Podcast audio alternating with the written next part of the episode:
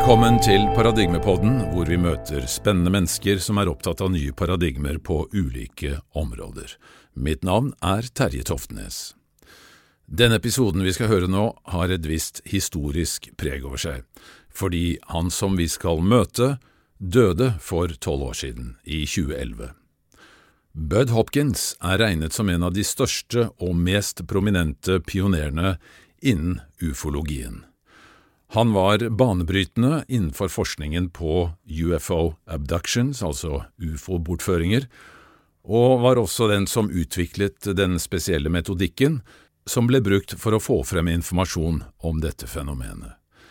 Gjennom samarbeidet med blant annet David Jacobs, som vi har møtt i tidligere episoder, og professor John Mack ved Harvard-universitetet, ble det undersøkt over 5000 tilfeller av ufo-bortføringer gjennom en periode på 30 år. Han skrev også flere bøker om dette fenomenet, blant annet eh, Missing Time, Intruders og Sight Unseen. I utgangspunktet var Hopkins kunstner og hadde studert kunstmaling, og ble senere ganske anerkjent for sine originale arbeider. Men det er altså først og fremst forskningen på ufo, og spesielt da ufo-bortføringer, som han virkelig er kjent for. Jeg var så heldig å få møte ham hjemme i hans atelier i New York i 2009, og fikk til et ganske omfattende intervju, som vi nå skal få høre, og dette er altså første gangen at dette intervjuet er publisert i sin helhet. Så herved har jeg gleden av å overlate ordet til Bud Hopkins. I was just a painter, just an artist all my life. And I had a sighting, a daytime sighting in 1964 with two other people. And it was the first time I'd even thought about UFOs. But at that point, it was uh, dramatic enough that I started reading about it and looking into it, and still did nothing in terms of investigating until 11 years later, in 1975, when a man who had a store across the street told me about a thing that landed near his car uh, right across the Hudson River from Manhattan. And uh, he described the small figures that got out, took soil samples, etc. And he was absolutely petrified. And when I went to look into it with him, which was in effect my first investigation, I found other witnesses. Another witness who would actually call the police. Uh, it was an extremely complex case with physical evidence of various sorts, and I wrote an article about it. And that article, which came out of the New York newspaper, um, elicited lots of letters. And people would say, uh, something like that happened to me four years ago and so on. It was above the car, and yet we can't figure out what happened to the three hours driving home from a movie or something. And I knew enough about the handful of abduction cases that had been reported at that time, uh, maybe 10 or 11 or so, to uh, connect some of these letters with the idea of possible abductions. So, because I'm an artist and I have some um, friends who were psychiatrists and psychologists, I traded them work for them doing hypnosis and doing interviews with these people. And out came one case after another. So all of a sudden, I became aware that this was not some very, very rare phenomenon, but actually widespread. And I was suddenly, as of 1976, really immersed in it. How do you know, or how can you kind of verify that uh, what you uh, collect through hypnosis is the actual truth and not dreams, fantasies, etc.? Well, one of the things, of course, that we've had to deal with all along is how we can judge the truth of anybody's accounts. Now, we have to understand that many, many cases do not require hypnosis. Many people remember virtually the whole thing, or at least a lot of it, without hypnosis. So hypnosis comes into play in, in a lot of cases, but not, uh, not all by any means. So, first of all, that cancels hypnosis as being an essential element here. The second thing is, is that um, when I'm listening to an account, I'm obviously looking for uh, details which I'm familiar with, many of which have not, not been published, uh, which gives me the, uh, some sort of assurance that the person is not making this up. In terms of being a hoaxer, we never get this because uh, virtually never with uh, abductions. You get hoaxed crop circles and hoaxed UFO photographs over and over again. But uh, here is a situation where the person is saying, I don't want anybody to know this. I don't want you to even call my house because I don't want my wife to know that I've talked to you. Uh, I don't know whether this really happened. It's, I can't sleep after, so on and so forth. It, they're not covering themselves with glory or fame or money to come forward with an account like this. So there's nothing really in it for them. And um, in terms of actually using hypnosis, one of the things I've learned to do is to use what I call false leads, uh, which I would rather not go into because it's too useful a, a technique. But just to demonstrate what a false lead, lead is, if I'm working with uh, let's say, a six year old child, where we never do hypnosis, this is just straight interview. And often very young children remember the whole experience completely, as if somehow the older they get, the more the aliens or whoever are able to, to block the memories. But if I'm dealing with a little boy, say, and he's telling me that he woke up and there was a little man standing there with huge eyes and, and he couldn't move and he was scared to death and the man was talking to me, but he didn't move his lips. I, you know, child is telling you this. And we go over, he takes me to the window. I've just floated out of bed, and we go up through the window without opening it, and so on. And describes being taken into a round room. I'll say, okay, now stop here. This is very important. When they take you in that room, they always give you something to eat.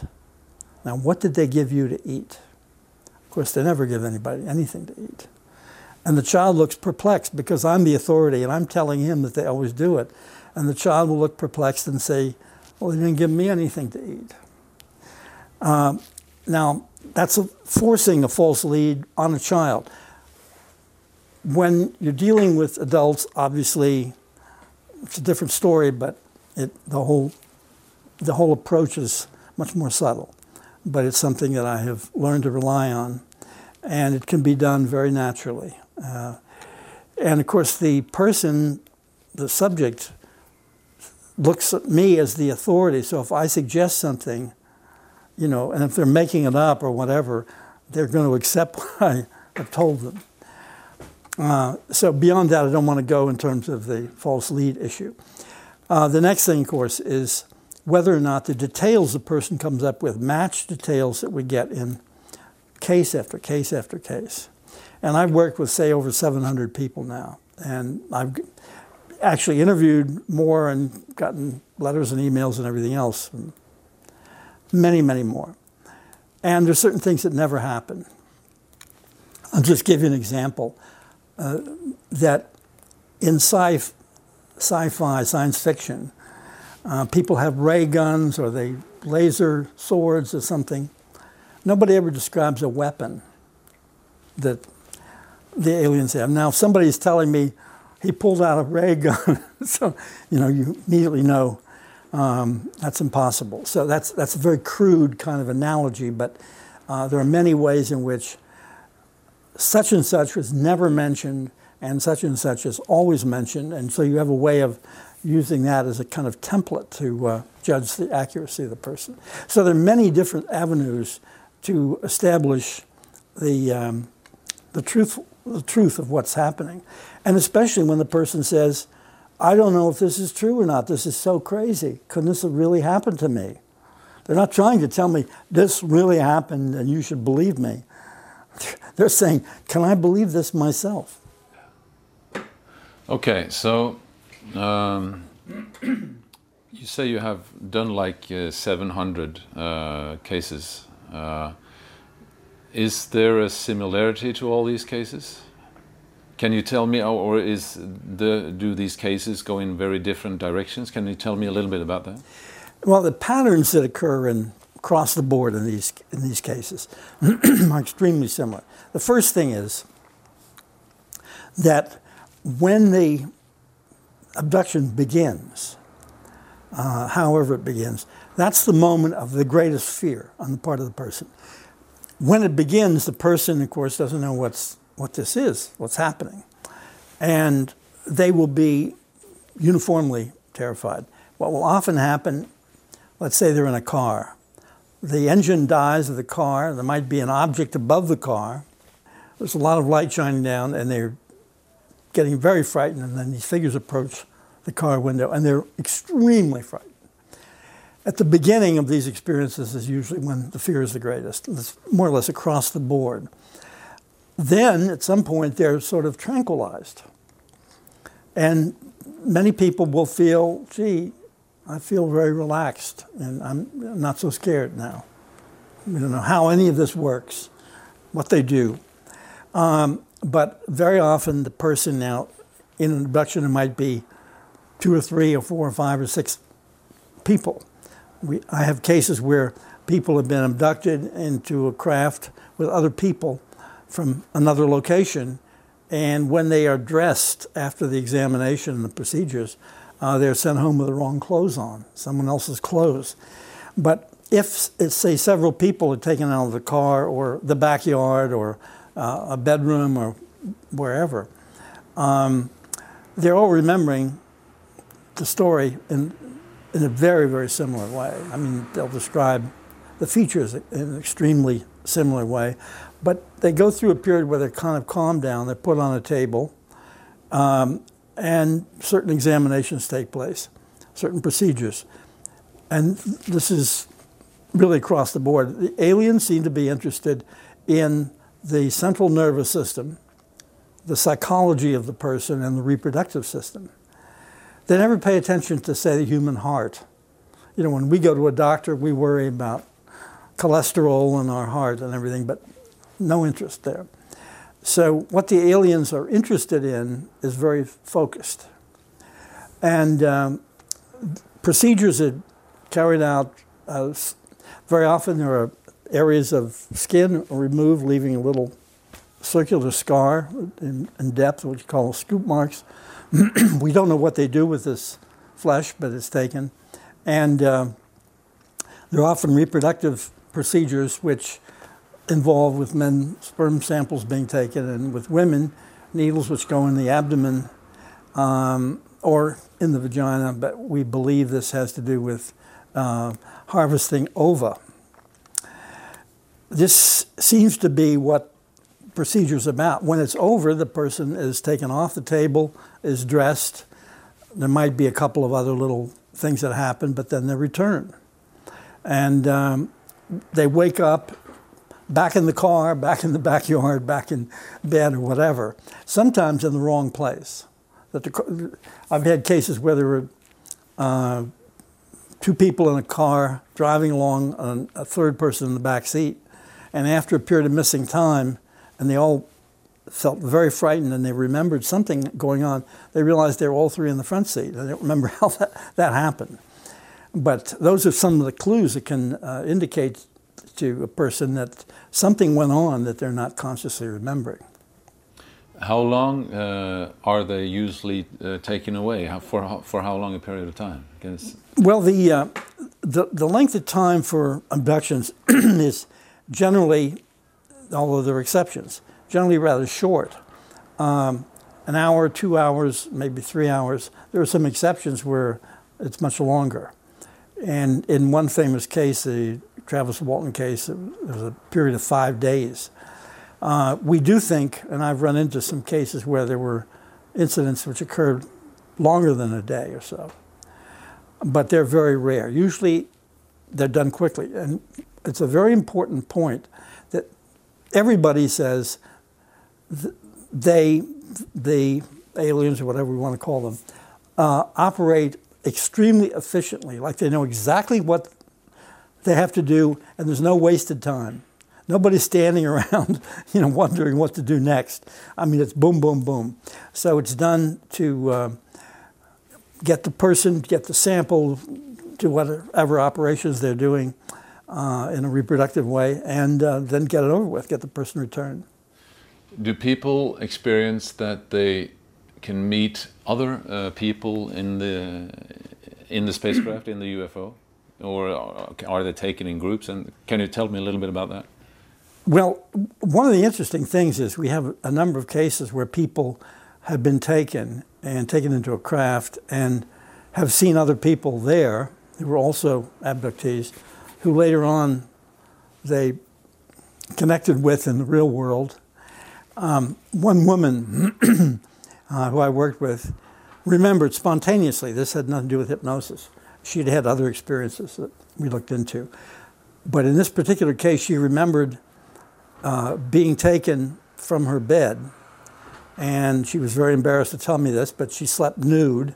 This is a woman now in her 60s. And when she was taken into a craft, uh, there was there were two people who were a couple that uh, were neighbors of hers, and they were standing there. She was they were in their pajamas. Everyone looking as if they're in a sort of altered state. Nobody says, "Hey, look!" You know, they're all just sort of frozen. And she, as she remembered all of this uh, years later, in detail, she actually uh, she and her husband drove two or three hundred miles to meet this family that they haven't seen for a long time because she wanted to ask the man if, if he had pajamas of a certain sort of wild pattern with little horses or whatever on. And he said, Yes, I did. Uh, why do you ask? And of course, his wife said, Yes, how do you know about his pajamas? Um, but she just wanted to confirm to herself that this really happened. And uh, so we have, we have a lot of cases like that where uh, people. I had one case where two different people in New York City who I was working with, one man and one woman, uh, who did not know each other except very, very slightly, uh, coming to a, a, support group meeting we had a couple times. But they each one told me about a dream separately, quote unquote dream. It was dream-like, uh, where they were inside a craft and each one remembered seeing the other and uh, they had no clothes on. And when I asked the man if he noticed anything, the woman was, of course, nowhere around, if he noticed anything unusual about the woman's body, and he said, yes, she had a big scar in a certain area, um, you know, in, below the waist. And when I checked with her, in fact, she had had some sort of serious operation and did have the scar. And there were other features. So they did see each other on the craft naked. Um, see, one of the interesting things about this is that all the evidence we get confirms the reality of this over and over again. It doesn't disconfirm it. In other words, uh, it, the skeptics, their theories are disconfirmed all the time. You know, they'll say, well, it was sleep paralysis, uh, which is already a kind of an ambivalent, ambiguous uh, situation. They'll say it was sleep paralysis. And then you say, well, what about all situations when people are in a car? Well, maybe they stopped and went to sleep. Well, there were seven people in the car. Well, it's, you know, and they, they, they're always trying to come up with something which falls apart. Whereas what we're getting all the time is more evidence that confirms the reality of this phenomenon. What, what, One, one further thing to be said about the evidence is that uh, I had a friend years ago who said, "Oh, this whole thing is just a, a cult." And I said, Well, I'm really glad you brought that up because it's exactly the opposite of a cult. A cult like the uh, Moonies, the Reverend Moon, and all that, is really all beliefs and no miracles. And we're all miracles and no beliefs. In other words, they have they lack totally any evidence at all, but they have this belief system we, we're trying to find out what the belief system is, but we got all the physical evidence that backs it up.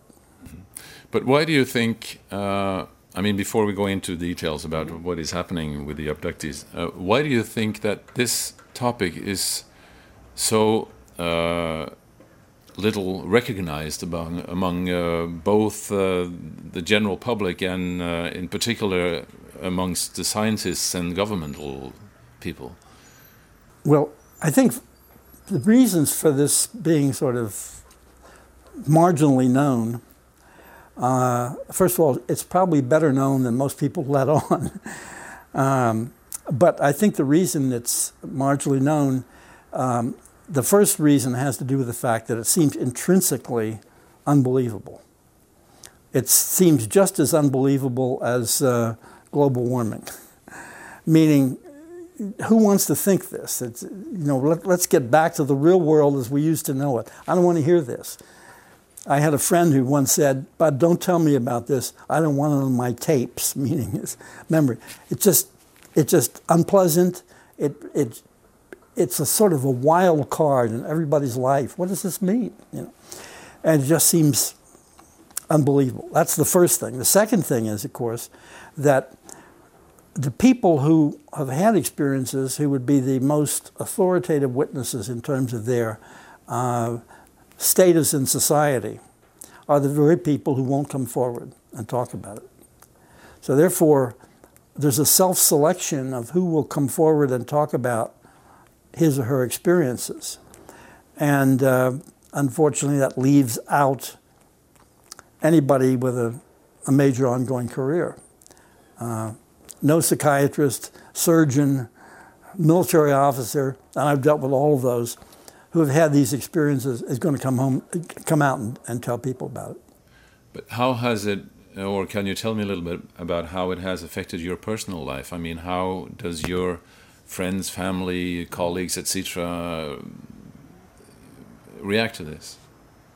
Well, in terms of my personal life and the way this this impacts, um, I think that, I mean, I've been at this so long that people sort of are used to it. I, it sort of goes with the territory. If they know me and accept me, they, uh, they have to accept that this is at least something sane enough for me to believe it. Um, but I think that there's no doubt that it's it's had some problem, created some problems in my career as an artist. Um, and there's some evidence uh, on that area. Emotionally, to me, how it's affected me is that the whole thing is, um, in a way, very frightening that we don't know what is actually going to happen.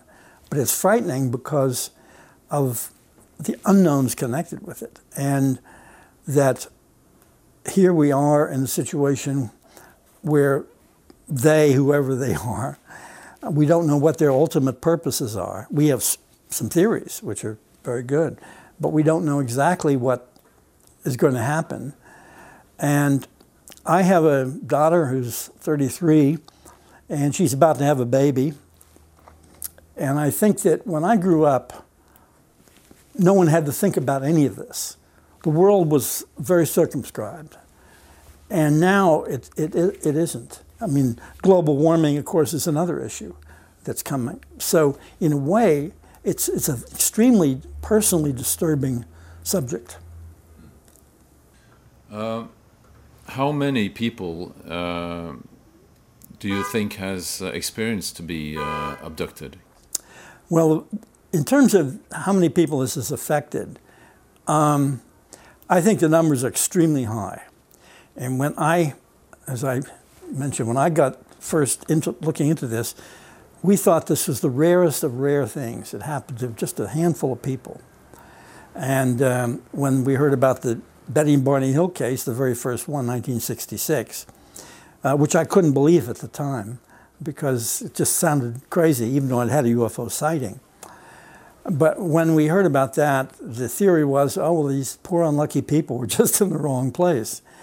But when I began responding to letters and phone calls and everything back in 1975, I began finding that this was, this was quite widespread. And that made the whole thing even more unsettling.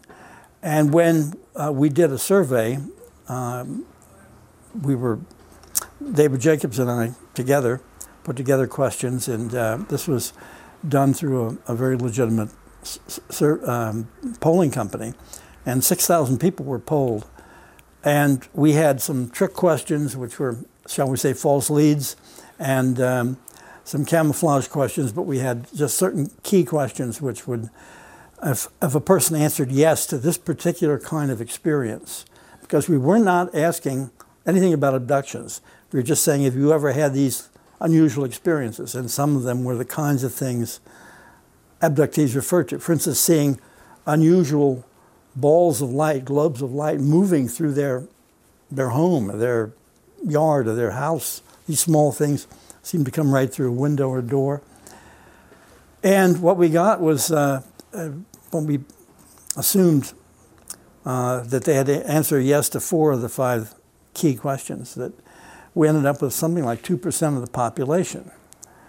Now, that's a, uh, that's a gigantic number. And just if we're talking about the United States, even though we know that this is worldwide, I don't know what the number is. All I can say is it's huge. It is not something rare. And I've run into too many people from my own circle of friends and acquaintances and so on who will finally say to me, you know, but I had a weird thing happen the other day, and then just start telling me stories, and um, it begins to connect. And these are people who've suffered from these, from post-traumatic stress disorder, actually, fear, uh, fearful reactions for a long time. And there were people that I had known for years and had no idea that something like this might have happened. And of course, that adds to its being so un- unbelievable. If it only happened to a few little people here and there, you'd say, well, that's possible.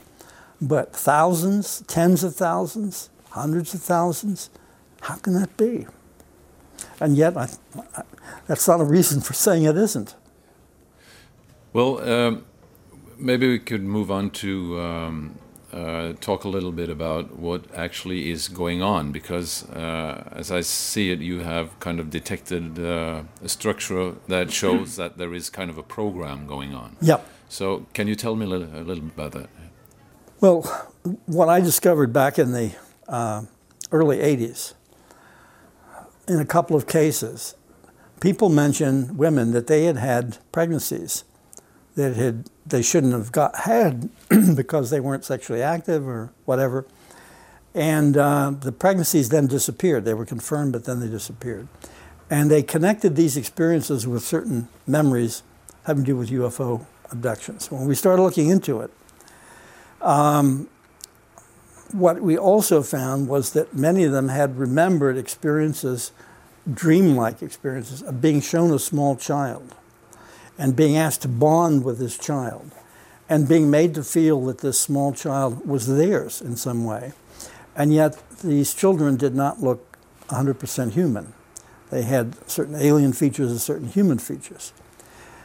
And this sounded like the strangest thing in the world, but as I began looking into it and began to explore um, other cases, I found that this is a very widespread aspect of the phenomenon. And um, as a matter of fact, one woman I was talking to, just to show the pattern, um, talking about an abduction experience and what she remembered. And I would ask a question um, about her dreams, and I'll ask about one aspect or another of her dreams. I say, well, you know, everybody also dreams about children.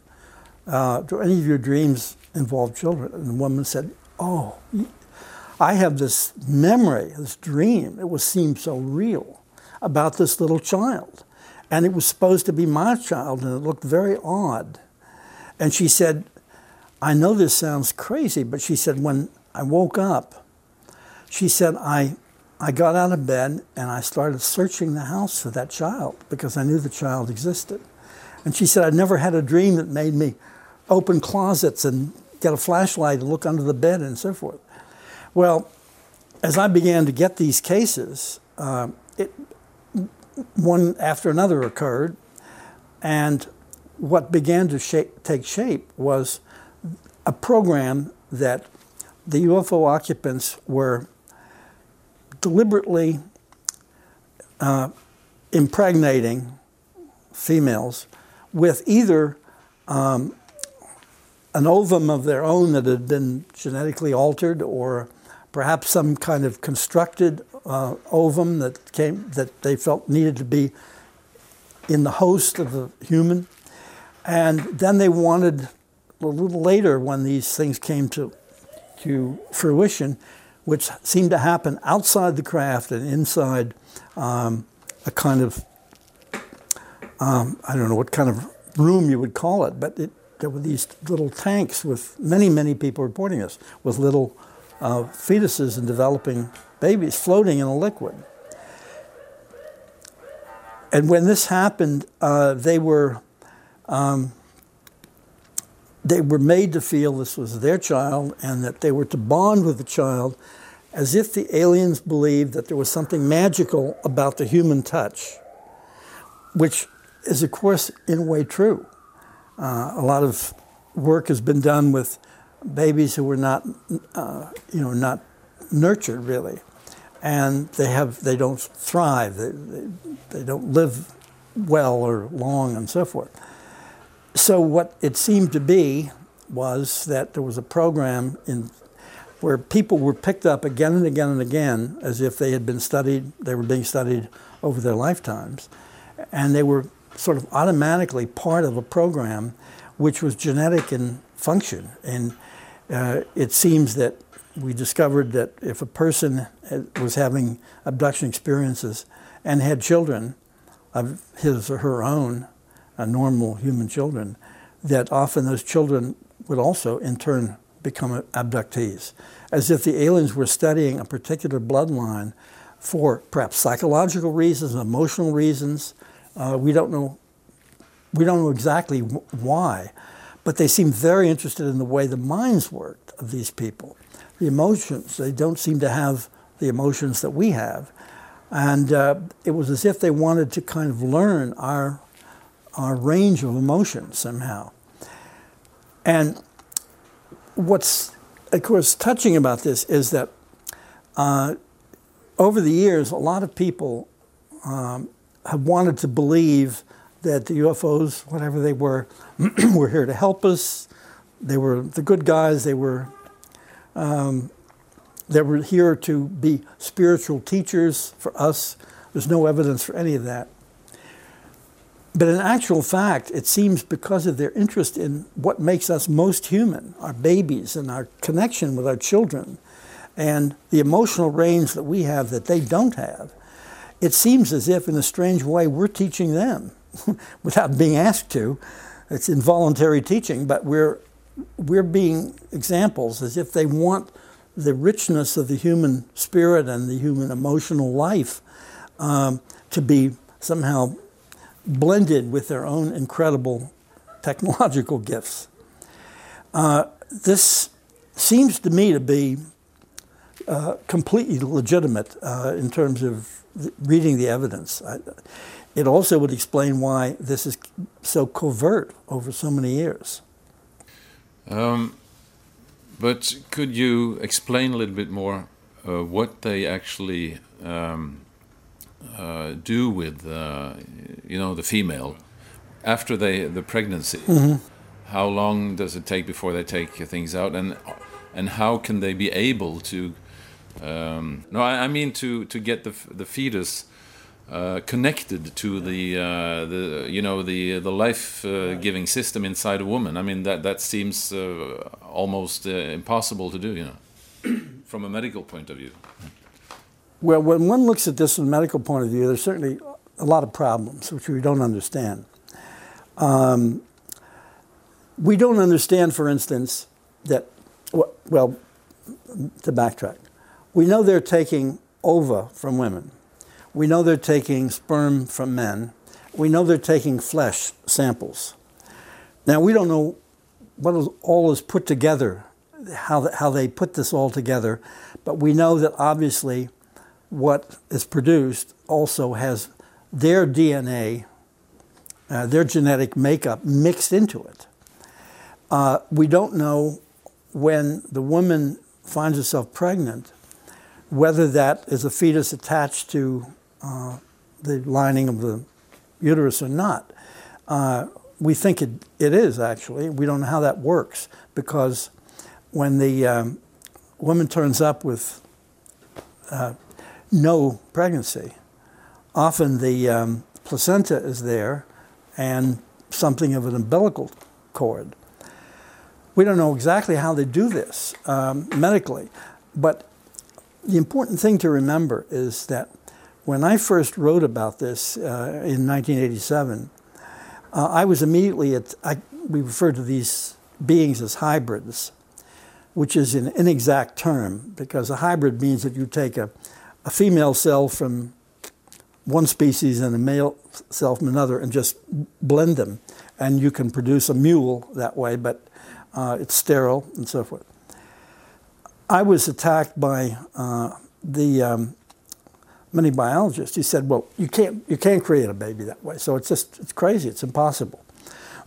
but then what happened is we mapped the human genome, and we began experimenting with uh, gene transplants, where excuse me, a gene is taken from a certain animal and placed in the in the ovum uh, is part of the makeup, rather of the um, of another animal species or whatever, and you, what you get is a is a, a, completely weird, unpredictable mix.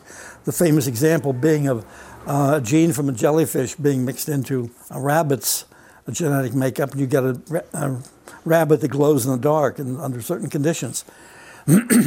That's a whole way of getting around the issue of making a hybrid in the sort of simple way of just putting these cells together. So once we understood that they could do that, how they can get an artificially constructed thing, which is pr- certainly part human, to attach itself in a normal way to the nurturing and nourishing system of the woman. I don't know how they do that, but they seem to be able to do it. Um, the problem here is that uh, in every case, data trumps theory. And when I was told that uh, you can't produce a hybrid, uh, so therefore these experiences didn't happen, these children didn't exist. The, the women and, and men who remembered bonding with them, holding them, were just making them up or something. That was trying to use conventional scientific theory at the time to eliminate actual data. And now we know that the data has refuted that, you know, and figured out a new way these things can happen. So I, I, don't know the answer. We don't know the answer to many of these things. Have you experienced uh, cases where uh, women have uh, been able to uh, confirm their uh, pregnancy by? Uh, can a doctor tell that she has been pregnant yes. afterwards?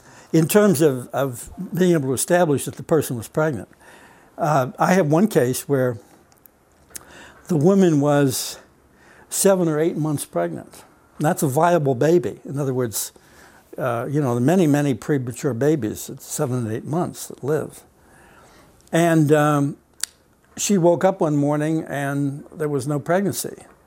And uh, she went to the hospital, of the doctor. There was no sign of a, uh, um, a spontaneous abortion, as they call it. And um, nobody can figure out what happened to the baby or to the pregnancy. Uh, I have another case where it was, I believe, six months. Usually it's about three months when the pregnancy ends. Um, and we have, you know, the heartbeat is heard, uh, uh internal exams establish that the person is in fact pregnant. Um, but you see, the, the medical uh, the medical uh, uh, group of, of people who were faced with this are really going to look at it and say, well, something must have happened. She must have had an abortion uh, and, uh, or she miscarried and she didn't notice or something. Um, and so that's the, that's the way out. Uh, they're not arguing that they weren't pregnant. They're arguing that they must have had a spontaneous uh, abortion, miscarriage, and just didn't notice. And I've had two women I worked with who were obstetrical nurses professionally who had this happen to them. And one of them said, talked to her doctor, look, I examined, you know, what was left after this happened. There was a placenta, you know. There was no heavy bleeding. I mean, some, but no heavy bleeding. And there was no fetus, and this was in her fifth month or something. And uh, she worked hard to try to find this. And of course, the doctor would have to say, well, you missed it because this is impossible. Uh, but how are they able to uh, keep these fetuses growing? I mean, a three month year old fetus. Uh... We don't really know how they nourish and, and, and keep them developing, but they're most often described as being in a little tank of some sort of fluid. And uh, it is possible that somehow they're being nourished through the, through the skin. Um, I have read that uh, evidently in Japan, some kind of artificial womb has been created that, in, with the use of, I think, sheep, I'm trying to remember, had kept the fetus alive for a matter of a week or so.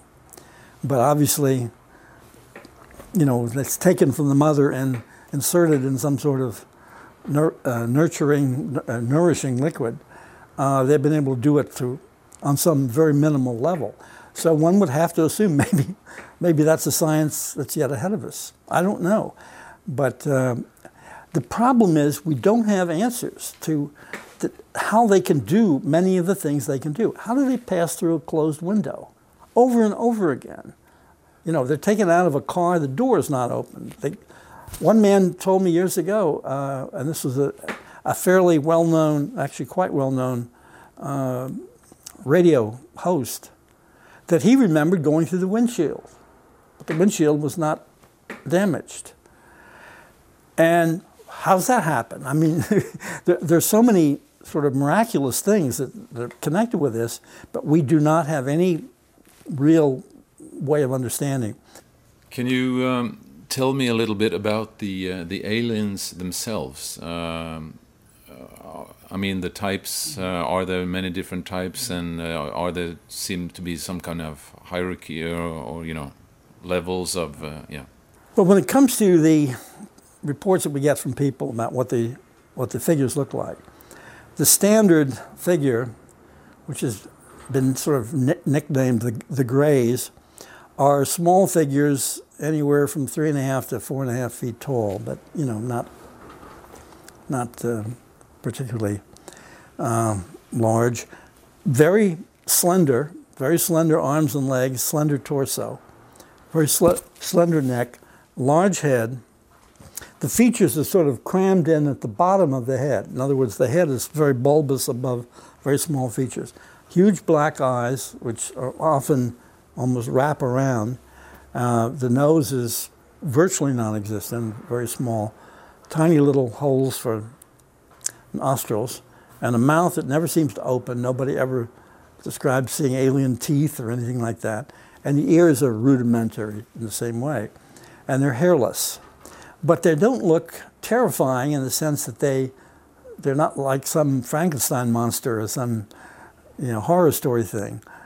Um, that's the standard one. Of course, there are other reports of, of very tall figures that seem more insect like. They've been nicknamed the sort of praying mantis types. And I remember uh, uh, a man was telling me that when he was a little boy, his mother called him out on the front porch to see a praying mantis. And he was, you know, six or seven or five. And he went out and he's looking at it. And of course, you know, praying mantises can move their heads. It's kind of different from most animals, mean, most insects. They can go.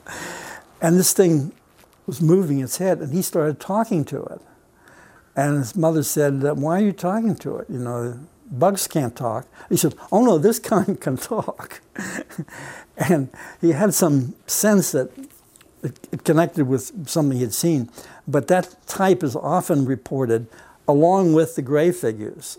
But in a hierarchical way, it seems to be the, uh, the leader or the one on top.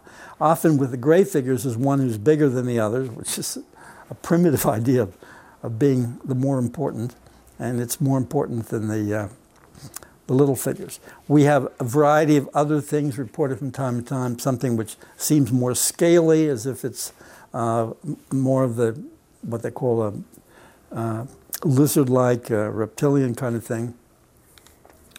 But the basic point is that they're all seen together, essentially doing the same thing, cooperatively.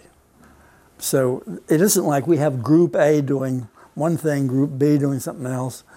Uh, despite the fact that we would like it to be that way. We, we like to think of the good guys here, the bad guys here, the in between guys there, but they're all pretty much doing the same thing. Uh, do people report uh, horrifying things like they are hurt, uh, injured, uh, that they uh, experience a great deal of pain and, and such? Well, in terms of the, the, the bad things that can happen, uh, there seem to be definitely some cases where people are injured, uh, but it would seem not deliberately by, by accidents. We've got several cases where there have been some broken bones, as if somebody has been dropped or banged into something. Um, in one case, a man had very serious lung problems in both lungs that the doctors have still been trying to figure out what happened. And this seems to be on the surface connected with a UFO experience, but it's very unusual. Um, the, uh, the basic thing is, is that their attitude is not we're these awful people here to cause you harm, nor we're great people here to help you. It, it's very neutral, and it's more or less sort of down the, the middle. They, they do it for themselves, and they try to minimize pain and, and terror and so forth. That's why people are sort of tranquilized. Um, but in terms of some actual deliberate torture kinds of things inside the craft, inside abductions, that doesn't happen. Now, we've got some cases which are uh, pretty wild of, of, and this is a whole other subject, of uh, beings which seem to be partly human and partly alien, uh, who seem to have a foothold in the real world, as if the whole process is moving in that direction, uh, although we don't know what that means. And in some of those cases, um, it seems that some of those half human, half uh, alien beings, whatever we want to call them, uh, have been uh, have been doing things to control uh, certain humans that they're interacting with that have been painful. And from human point of view, rather sadistic. Not just with that lip smacking, I'm going to do this to hurt you, but in other words, if they want somebody to behave in a certain way, uh, they can exert a great deal of force to make sure that person behaves that way. Now, this is an area I have to say is of just sort of current research that we're working on uh, and what we have to do with any new development like this is to see how many cases turn up in different locations with different investigators, uh, which sort of replicate each other over and over again. So that's where we are looking into that. But in terms of the experiences in the craft, the, the, the really uh, almost none where you would say they were trying deliberately to cause pain? Um, you say that um, it seems like uh, the abductees are, well, they're taken over and over again. Uh, how, uh, I mean, there's uh, six and a half billion people on the earth. How do these uh, aliens keep track of the, uh, the people? When we, with our limited technologies, try to imagine how they can do what they do um, in terms of the vast numbers, uh, such as keeping track. We, we have no idea, for instance, how a UFO can apparently, at a great speed, can make a right angle turn. It goes that way. We can't do it. We have to decelerate. And uh, there are just many things that we are incapable of doing. Um, so um, this is, if we start with just the, the fact that a UFO can hover and can move off at great speed, we don't know how that works. So how they can locate people, uh, how they can do the things they do, how they can, uh, how their technology operates, how they can get somebody through a, a brick wall or a window. Um, and there seems to be even an ability to cloak things visually, almost a, a sort of technology of invisibility. Uh, we don't know how any of this operates, but um, in terms of keeping track, uh, there, there, was when, when we began to discover cases where uh, what seemed to be a foreign body, an implant of some sort, turned up in people, particularly if it was inside the, the brain where you can't get in there without leaving marks and doing some serious damage. Uh, the theory was that, well, they're, they're tracking devices. And of course, that was based on a primitive thing about you, you tranquilize a polar bear and clip something on its ear. And um, I don't think they need that. I really don't. Um, I don't know how they do what they do, and I don't know what these little objects, uh, if they're put in place, what they're for either. Uh, the list of questions we have down one side of a page is enormous. Uh, but the list of things that we know happen again and again and again, even though we can't explain the how or even the why, uh, that side is much more filled in. Okay. Um, well, what do you think this uh, hybridization program or whatever it's uh, it is? Uh, what kind of agenda uh, are we dealing with here? Can you say a little bit about that? Well, in terms of the ultimate agenda, because we've never known what the ultimate agenda is, it's like the flyovers, which led to sightings, the abductions, which led to the production of these half human, half alien beings, uh, and all of this, uh, keeping track of, of so many people. Uh, we've never really known where that was heading. And now that we have these reports of hybrids, as it were, uh, living amongst us here and there, we don't know how extensive that is. It, it doesn't seem to me to be that extensive yet. But uh, we don't know what, of course, that's leading to. Uh, one can speculate lots of ways. Uh, are we going to be ultimately slaves? Or is there going to be some mutual benefit? which we have out of this and that they have? Is there some, going to be some sort of trade off? No way of knowing. No way of knowing. But the, the, ominous part of this is that from our own earthly history, we know that whoever has the superior technology, uh, in other words, the Spanish had horses and armor and gunpowder, and the uh, Aztecs didn't. And we know what happened. So that creates a sort of ominous um, you know, uh, possible agenda, but I'm I'm sort of uh, hesitant to want to try to, to guess, and I don't like to think about it, to tell you the truth. Um, it's not the sort of thing that um, there, there, doesn't seem to be too much in it that looks optimistic for us, although we don't know that for sure. So um, I, I tend to uh, keep, keep my fingers crossed and keep my nose out of it as much as I can. It's hard to do. This whole uh, program, I mean, what is uh, one of the most uh, extraordinary things about it is that it has been kept in such a secrecy all the time. So obviously, uh, and of course, uh, it's not supposed to be something that humans should know about at all. Mm-hmm.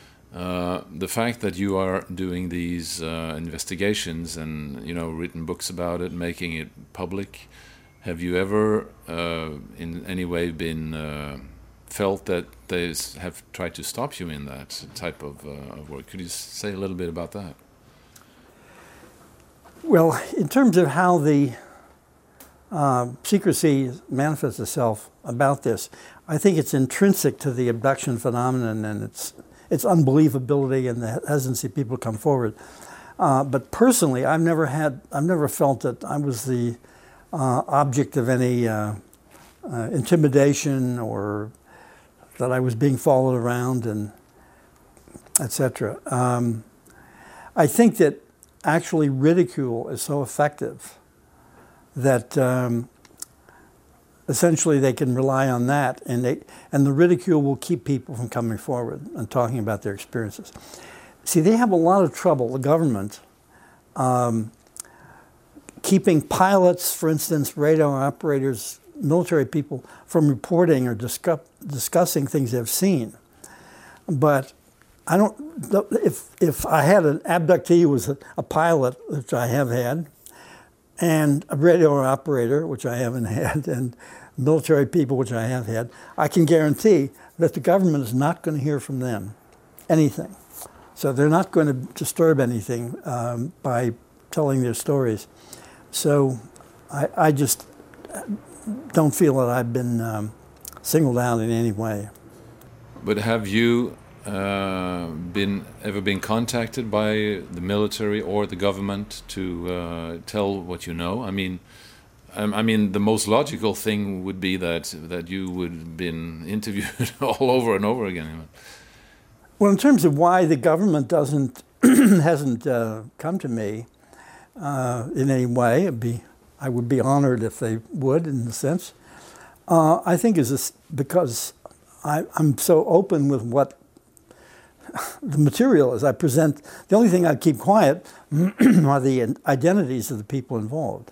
But in terms of presenting, uh, as we're doing at this very moment, you know what is happening with this phenomenon, and um, the patterns of it and so forth. I've written four books about it, and I've certainly given lots of talks. And I, I remember um, attending a conference with with John Mack years ago, and he was a wonderful man and good friend. And um, we were talking at, during lunch at this conference, and this woman came up to me, a typical kind of paranoid, shaky lady, and she said, she said, uh, Budd, she said, and uh, Dr. Mack, she said, you've got to be careful what you say because I think there are at least three people in the audience who look to me like they're government agents.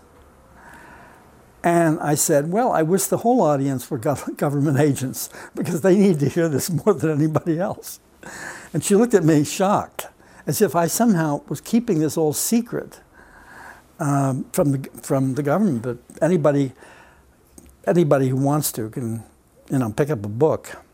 And I, I, have certainly gotten the sense that, that individuals in various areas of the government have been very interested in what I was doing, not as part of a policy, but because of their own particular interest.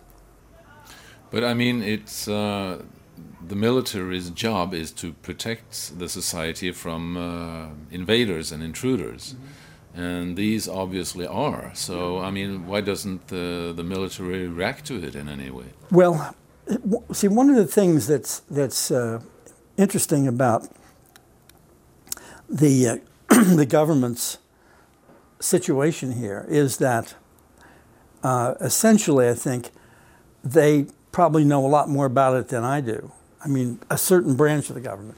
I mean, if they have bodies, wreckage, photographs, films in, in quantity, which I really suspect they do have, um, if they have that, they know more than I do anyway.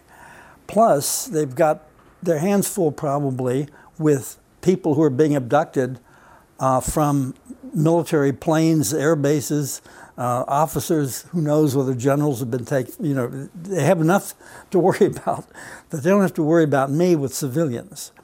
And my basic point about why I think there is a cover up is, is that if all the president can say, and I've said this many times, all the president can say is, my fellow Americans, you know, they're here, they're from outer space. They can outfly anything we have. Uh, they're abducting in a program where men, women, children, and they're creating this mixed uh, race. Uh, we have no idea what their ultimate goals are. They haven't talked to us. Uh, we're defenseless against them. There's nothing we can do to uh, shoot them down, and uh, we don't know what's going to happen. We'll let you know when we hear more. Thank you and good night. And I've always said I would rather be in the liquor business than in the uh, stock market or real estate or something like that. Because if the government would have to admit that it's real, but there's nothing they can do about it so far, they're really stuck. I think that would cause panic, I really do. Of course. Um, but obviously, uh, what you have recalled is that there is generally one type of uh, alien that are conducting these abductions. Mm-hmm. Uh, but but does that exclude the uh, possibility of there being other alien races visiting us all the time that are have other types of agendas? Have you? Whether or not there are other alien races with other agendas, of course, we don't really know because what happens is the ones that we know about are the ones that leave evidence behind of many sorts, many sorts of evidence. Uh, I mean, they're craft break the tree branches when they land. They, uh, they uh, in some way irradiate the soil and turn it to rock practically underneath them. They leave marks on people's bodies, all kinds of evidence. And I remember talking to a man once who said, Well, I think there's no doubt that there are very good aliens here, uh, spirit beings here to help, help us. But he said, they're invisible and no one can see them, and they don't leave any kind of evidence around, but I just know they're here. Well, maybe so. You know, uh, I mean, uh, I'm sure that uh, there are um, Islamic believers who feel Allah is speaking to them and on a personal basis. There are uh, religious people in the South who believe they're having dialogues with Jesus uh, you name the religion, there are people who are having all these connections with members of these uh, gods, angels, and whatnot. And there's no real evidence that they are. I'm, I'm not saying they're not. But the point is, this is something that does leave evidence behind, so we have to take it very seriously. And, and whether are other things that don't leave any traces at all, maybe so. Have you experienced any uh, type of uh, change in the development uh, of this uh, phenomenon over the years? I mean, what's happening right now in uh, uh, compared to what happened 10 or 15 years ago? Well, it seems to me, although this is this is very hard to ver to verify, because you only hear about what you hear about. You know, you don't. Uh, we can't go back and interview people in 1910 to find out what was actually going on about this phenomenon. But it does seem to me that there was a program of surveillance of some sort, that they were get, looking us over. It would seem to me that uh, even though this may be due to some immediate need they had at the time, but at the time of World War II and our developing aviation and ultimately um, ultrasonic rockets and, and so forth, uh, and especially atomic weapons, that they seem to be in for, let's say, a more serious look. Now, maybe it's just that we hear we heard about those cases. I don't know, but um, if they if they came and um, uh, were bothered, intrigued, worried, whatever about our developments. And let's say, as they became became more interested in us, they saw the advantages uh, human nature has, the human spirit has, and by contrast, perhaps saw their some of their own lacks. I mean, see, no one ever said they have a sense of humor, that they that they have art on the wall, that there's uh, that this one was a nice one, this one's a meaner one. I mean, they all seem to be pretty uniform. And maybe their interest in our diversity is, was interesting, was, was uh, something they, they became aware of, and the program began to pick up steam. Uh, it's very hard to know because, as I say, what we hear about is only what we heard about, hear about. I had a situation once where um, I was giving a talk in London, and everybody said, "Oh, this abduction is just an American thing or uh, English thing, or basically America. It doesn't happen anywhere else." And I said, "No, it does. It happens all around the world, because I have reports." And uh, I said, "It's just because there's nobody in some countries to report these things to, nobody investigating them, and uh, you know, a sort of natural fear." And so when I gave my second talk, I titled it, There is No Child Abuse in Iran. And I said, I challenge anybody in this room to name me one case of child abuse in Iran. It must just happen in England, United States, Norway, you know, wherever. Um, because in Iran, if you're being abused, who do you go to? Um, so I think that the dearth of information in earlier times that we have about this, even though there are very interesting sighting reports, um, it doesn't necessarily mean that they weren't here in some numbers doing pretty much what they're doing. I have two abduction cases from the 1920s. Uh, they're good cases. And, uh, but I don't think that the, the density of it um, is, goes back to those years. I think it's, it sort of picked up steam, but that's just a guess. What would you say uh, if you should give any advice to uh, a person who uh, has um, the feeling that he has been abducted? When somebody reports or, or feels that they've had these experiences, um, there, there are a lot of uh, things that can happen, a lot of different roads to take. I mean, the first, first one, the most obvious one that we've been talking about, is to look into it. And that means connecting with an investigator or a group of investigators uh, and to try to get as much information down as possible. If hypnosis then seems to be uh, called for for certain missing time things or things can't be remembered, uh, that can be tried and so on. But having said that, um, if a person is getting along well in life, have a happy life, family situation, whatever is, find a job, and they're sleeping well at night. Abductees do not tend to sleep well at night.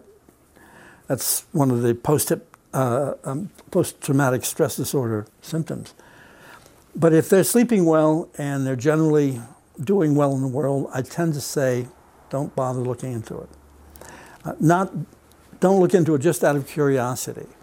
Um, the time to look into it is if you feel it's really impinging on your quality of life, that you can't sleep well, uh, you have a lot of fears and, and phobias that are pretty powerful.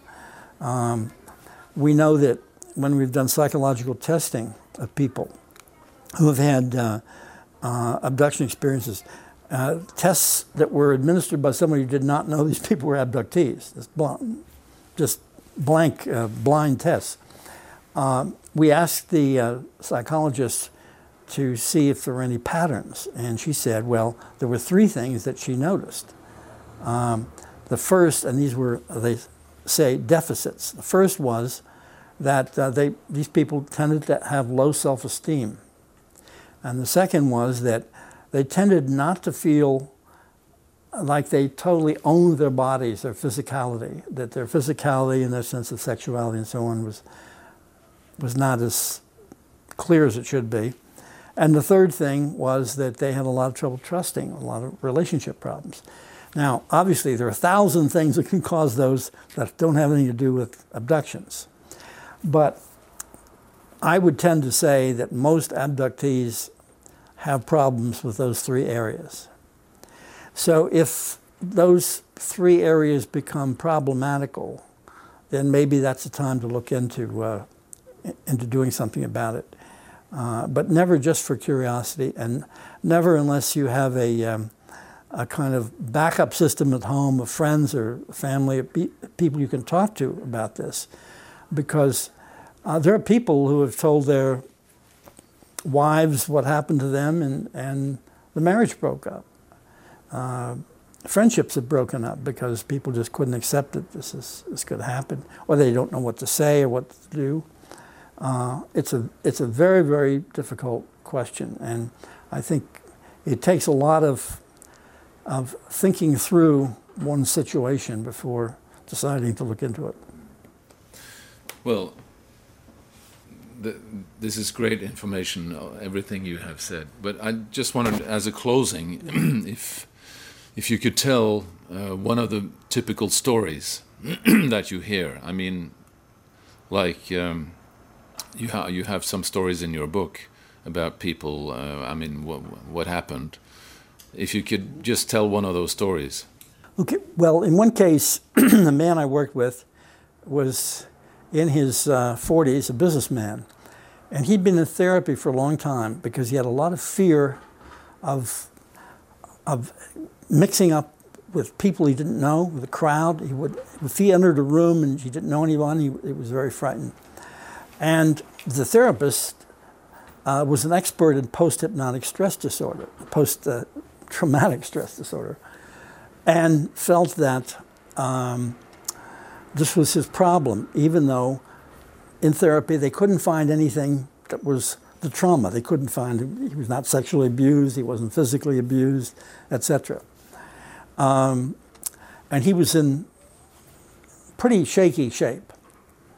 Uh, anyway, the thing that he remembered consciously was that he was with his wife many years ago, um, separated since then, divorced, and his brother and his brother's wife.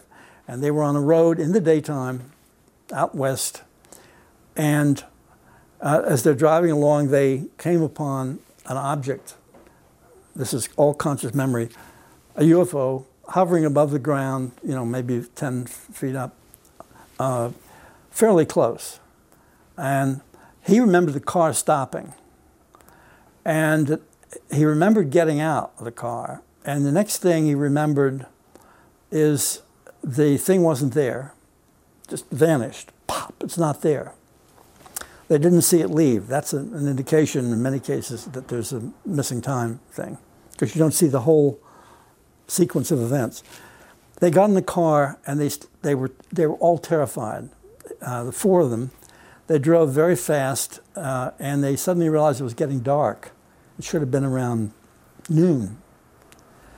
Uh, they finally went to a motel and uh, he, they, the two brothers called the parents, terrified. And, uh, you know, parents didn't know what to say. These men were in their 20s.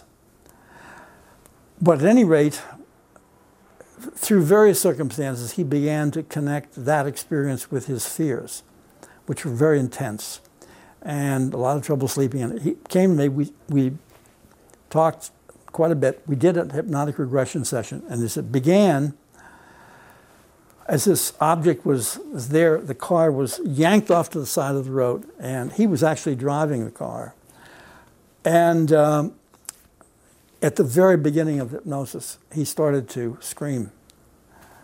And he came out of the trance state, he sat up, crying and sobbing. This man in his 40s, holding his legs like in a ball.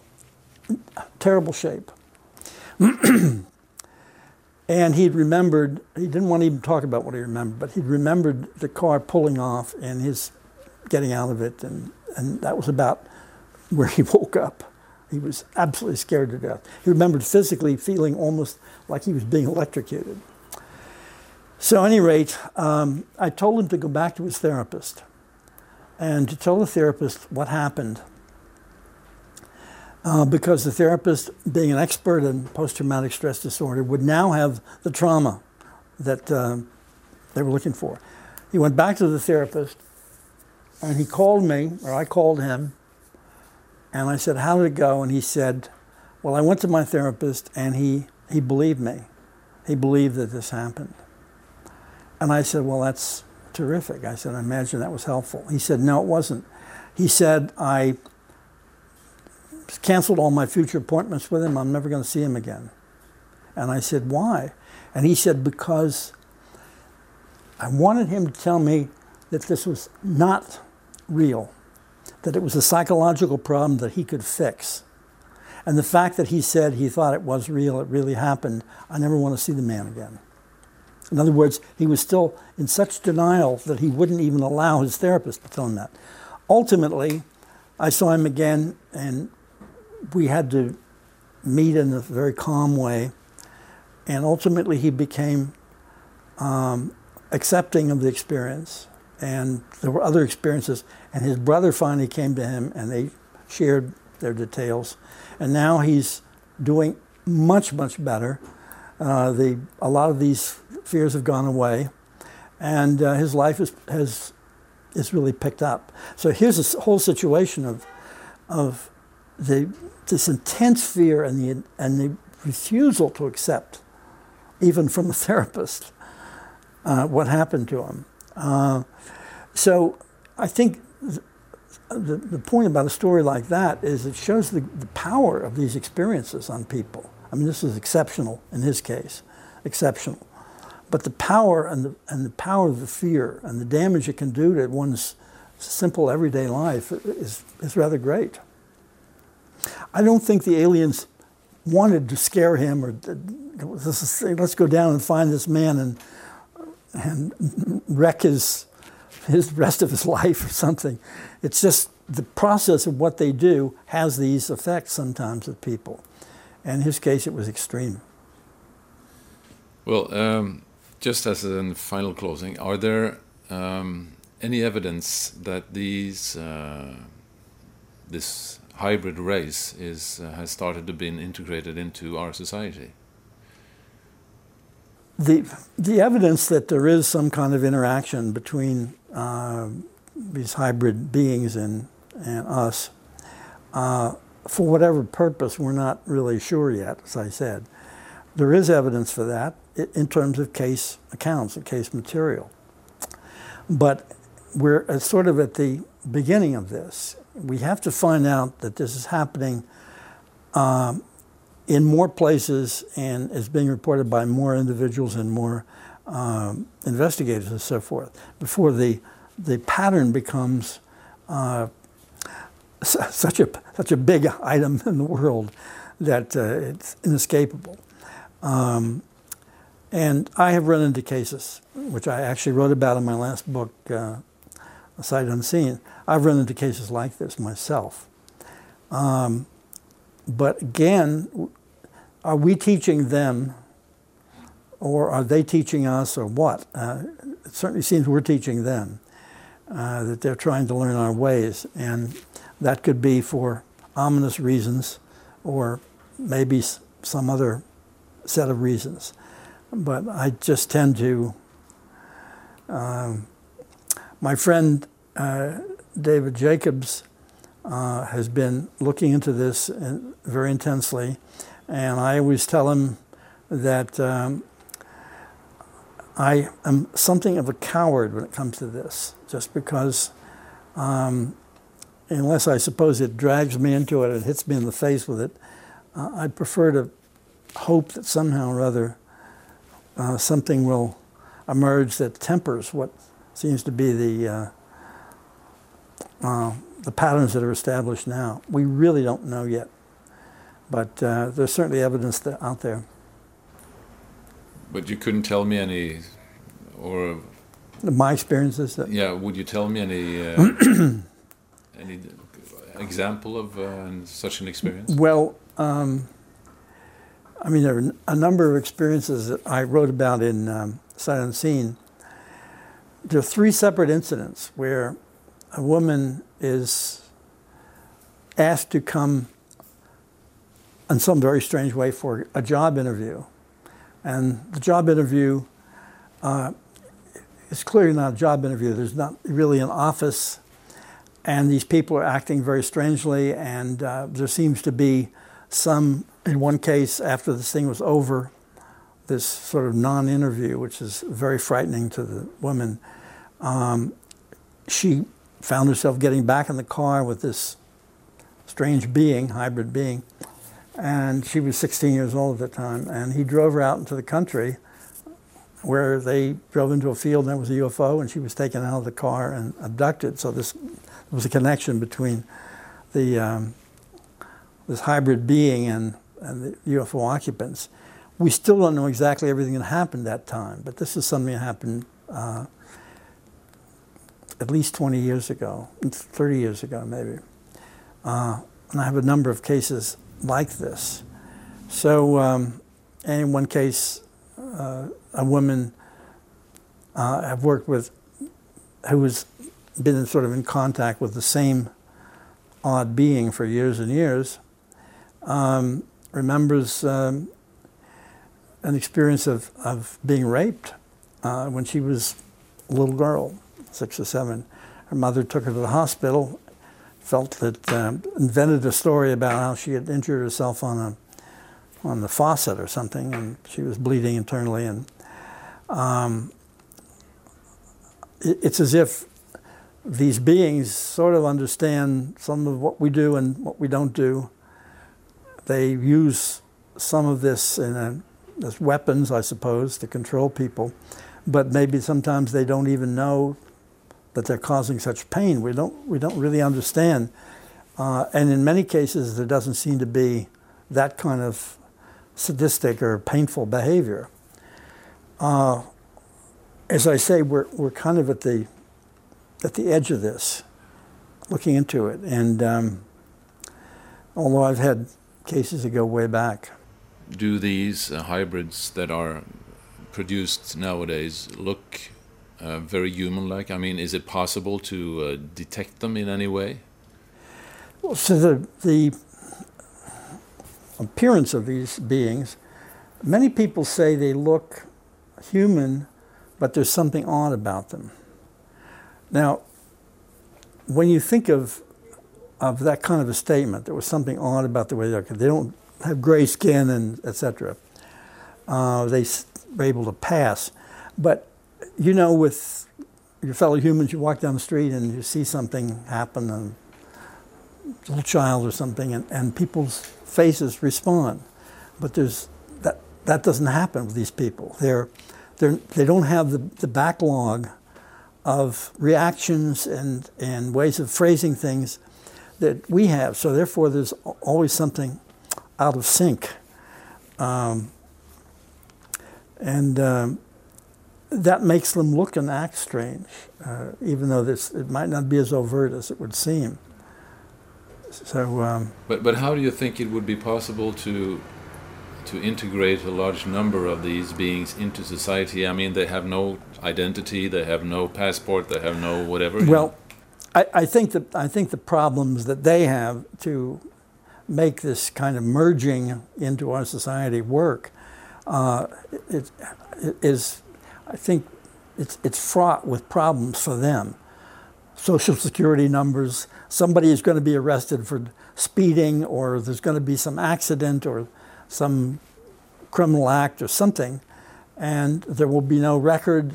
Um, it's hard to imagine how this could be controlled. Uh, they seem to be not doing a very good job of it, as a matter of fact. Uh, some of their behavior is very peculiar. I mean, totally peculiar. Um, so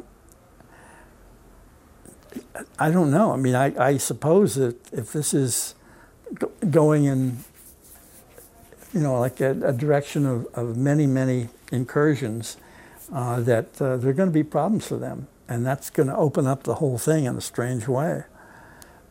I don't know how they could control it. But uh, it's just like flying around in these ships, which apparently can be concealed a lot of the time, but not all the time. And therefore, we discover them. What are these things doing? They're, they're here. And so that lets us know there's something happening that's outside our control. What are these craft? Well, if we have people operating in the street who don't understand how to use a telephone or make change in a store or something, uh, in, a, in a similar way, we're going to think, what, what's with these people? There's some kind of a problem. I don't see how it's going to be made to work uh, so surreptitiously, but I don't know. But do you know anything about how these uh, beings uh, differ from humans? I mean, what, are they uh, their bodies, or how they function, uh, etc.?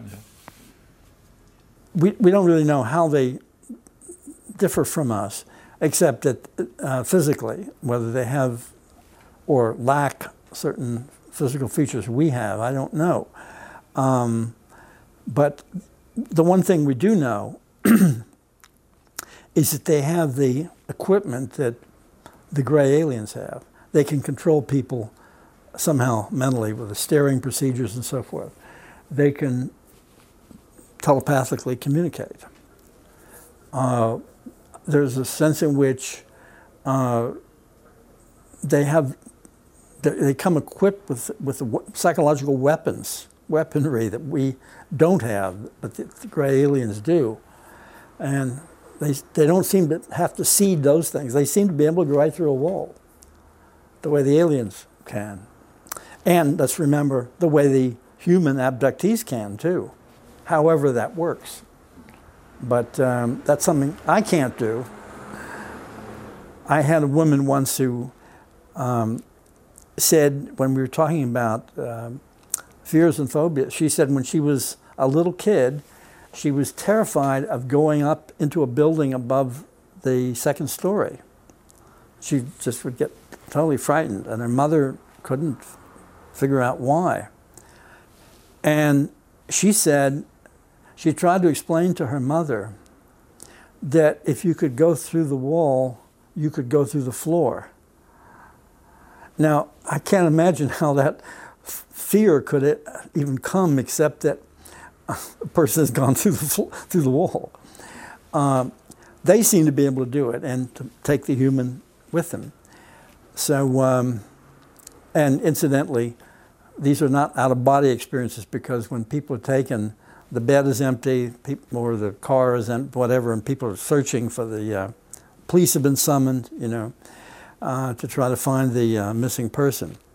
Uh, so uh, they're taken bodily, and when they come back, they have physical marks and so forth that they didn't have. So we have a thousand questions. Thank you very much, Budd. Thank this you. has been very helpful and very enormous, fascinating information. Well, thank you. Thank you so much. Well, it's, uh, it's going on. It's going on, avslutter altså Budd Hopkins dette intervjuet med, og ifølge mange så pågår denne aktiviteten fremdeles, selv om den visstnok skal ha avtatt de siste ti årene. Noe av det som jeg selvfølgelig syns er uh, veldig interessant, er jo at han bekrefter det samme som uh, Nadine Lalic, hun vi hadde i forrige episode av Paradigmepodden, nemlig at det virker som det er stor interesse for å utforske det menneskelige emosjonelle spekter. Kan det være at vi er unike i så måte, i vår del av eh, galaksen, eller universet for den saks skyld, slik at det kommer besøkende utenifra for å studere dette spesielle fenomenet, som bor i oss mennesker på dette lille sandkornet av en planet i denne galaksen.